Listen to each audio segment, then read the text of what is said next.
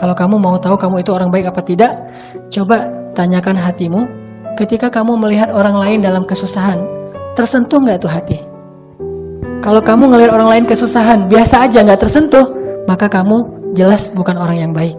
Hatimu sudah keras. Kalau misalnya kita ngelihat tingkat sensitivitas ini beda-beda. Ada yang baru ngelihat sedikit, ada orang kesusahan itu udah langsung dia merasa kasihan gitu.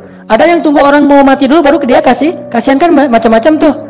Begitu juga kita kita ngelihat sensitivitas hati kita itu menunjukkan kebaikan kita itu tingkatnya kayak gimana. Kalau orangnya sensitif banget, ngelihat ada yang membutuhkan, ngelihat ada orang yang sakit, ngelihat ada orang yang dalam keadaan kesusahan, dia langsung ah, kasihan ya. Ngelihat ada orang yang jualan tapi dagangannya tuh kecil-kecil dan harganya nggak terlalu mahal, tapi dia bersusah payah ngangkat barang yang berat gitu. Kan ada yang jualan bangku tuh, dari rotan kan ya.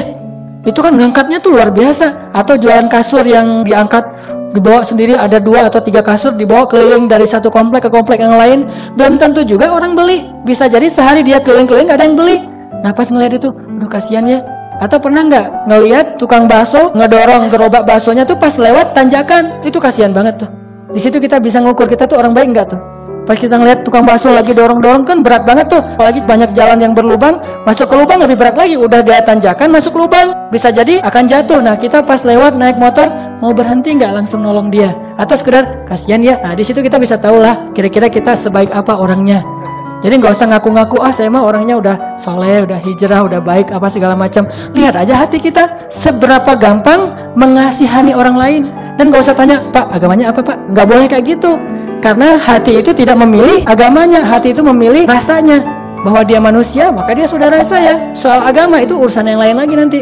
Itu urusan fikih, urusan dakwah. Siapa tahu justru gara-gara kita membantu tulus secara kemanusiaan dia jadi simpati kepada agama kita. Makanya pas ngelihat uh, ada orang yang butuh bantuan di jalan, gimana hati kita berbicara?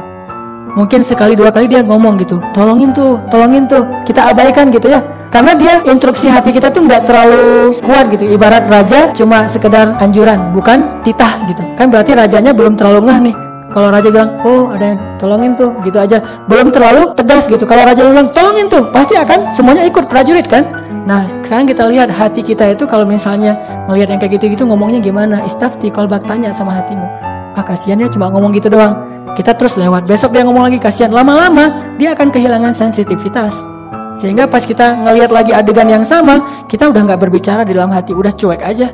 Udah nggak ngerasa apa pun. Dan itu terjadi di banyak orang. Bahkan mungkin orang ketika berada di tampuk kekuasaan ngelihat masyarakatnya ngedemo mungkin bagi dia tuh bukan ngelihat lagi dengan kasih sayang. Ngelihatnya tuh dengan ah ganggu aja. Ngapain sih rame-rame demo kayak gini segala macam? Kita juga gitu. Kadang-kadang ngelihat orang demo tuh kan yang kita pikirkan kepentingan kita ya. Ah ngeganggu jalan aja bikin macet. Kita nggak memikirkan dia demo itu karena dia lapar. Misalnya para buruh Demo itu karena menuntut hak, soalnya hak dia tidak diberikan sesuai dengan yang dia harapkan dan dia tidak bisa menafkahi keluarganya dengan baik. Kita nggak berpikir sejauh itu kenapa? Nggak berbicara pakai hati ke orang lain, tetapi pakai hawa nafsu untuk diri kita sendiri. Jadi uji kesolehan kita itu dengan menguji hati. Coba sering-sering ngasah sensitivitas hati kita itu dengan melihat ke bawah.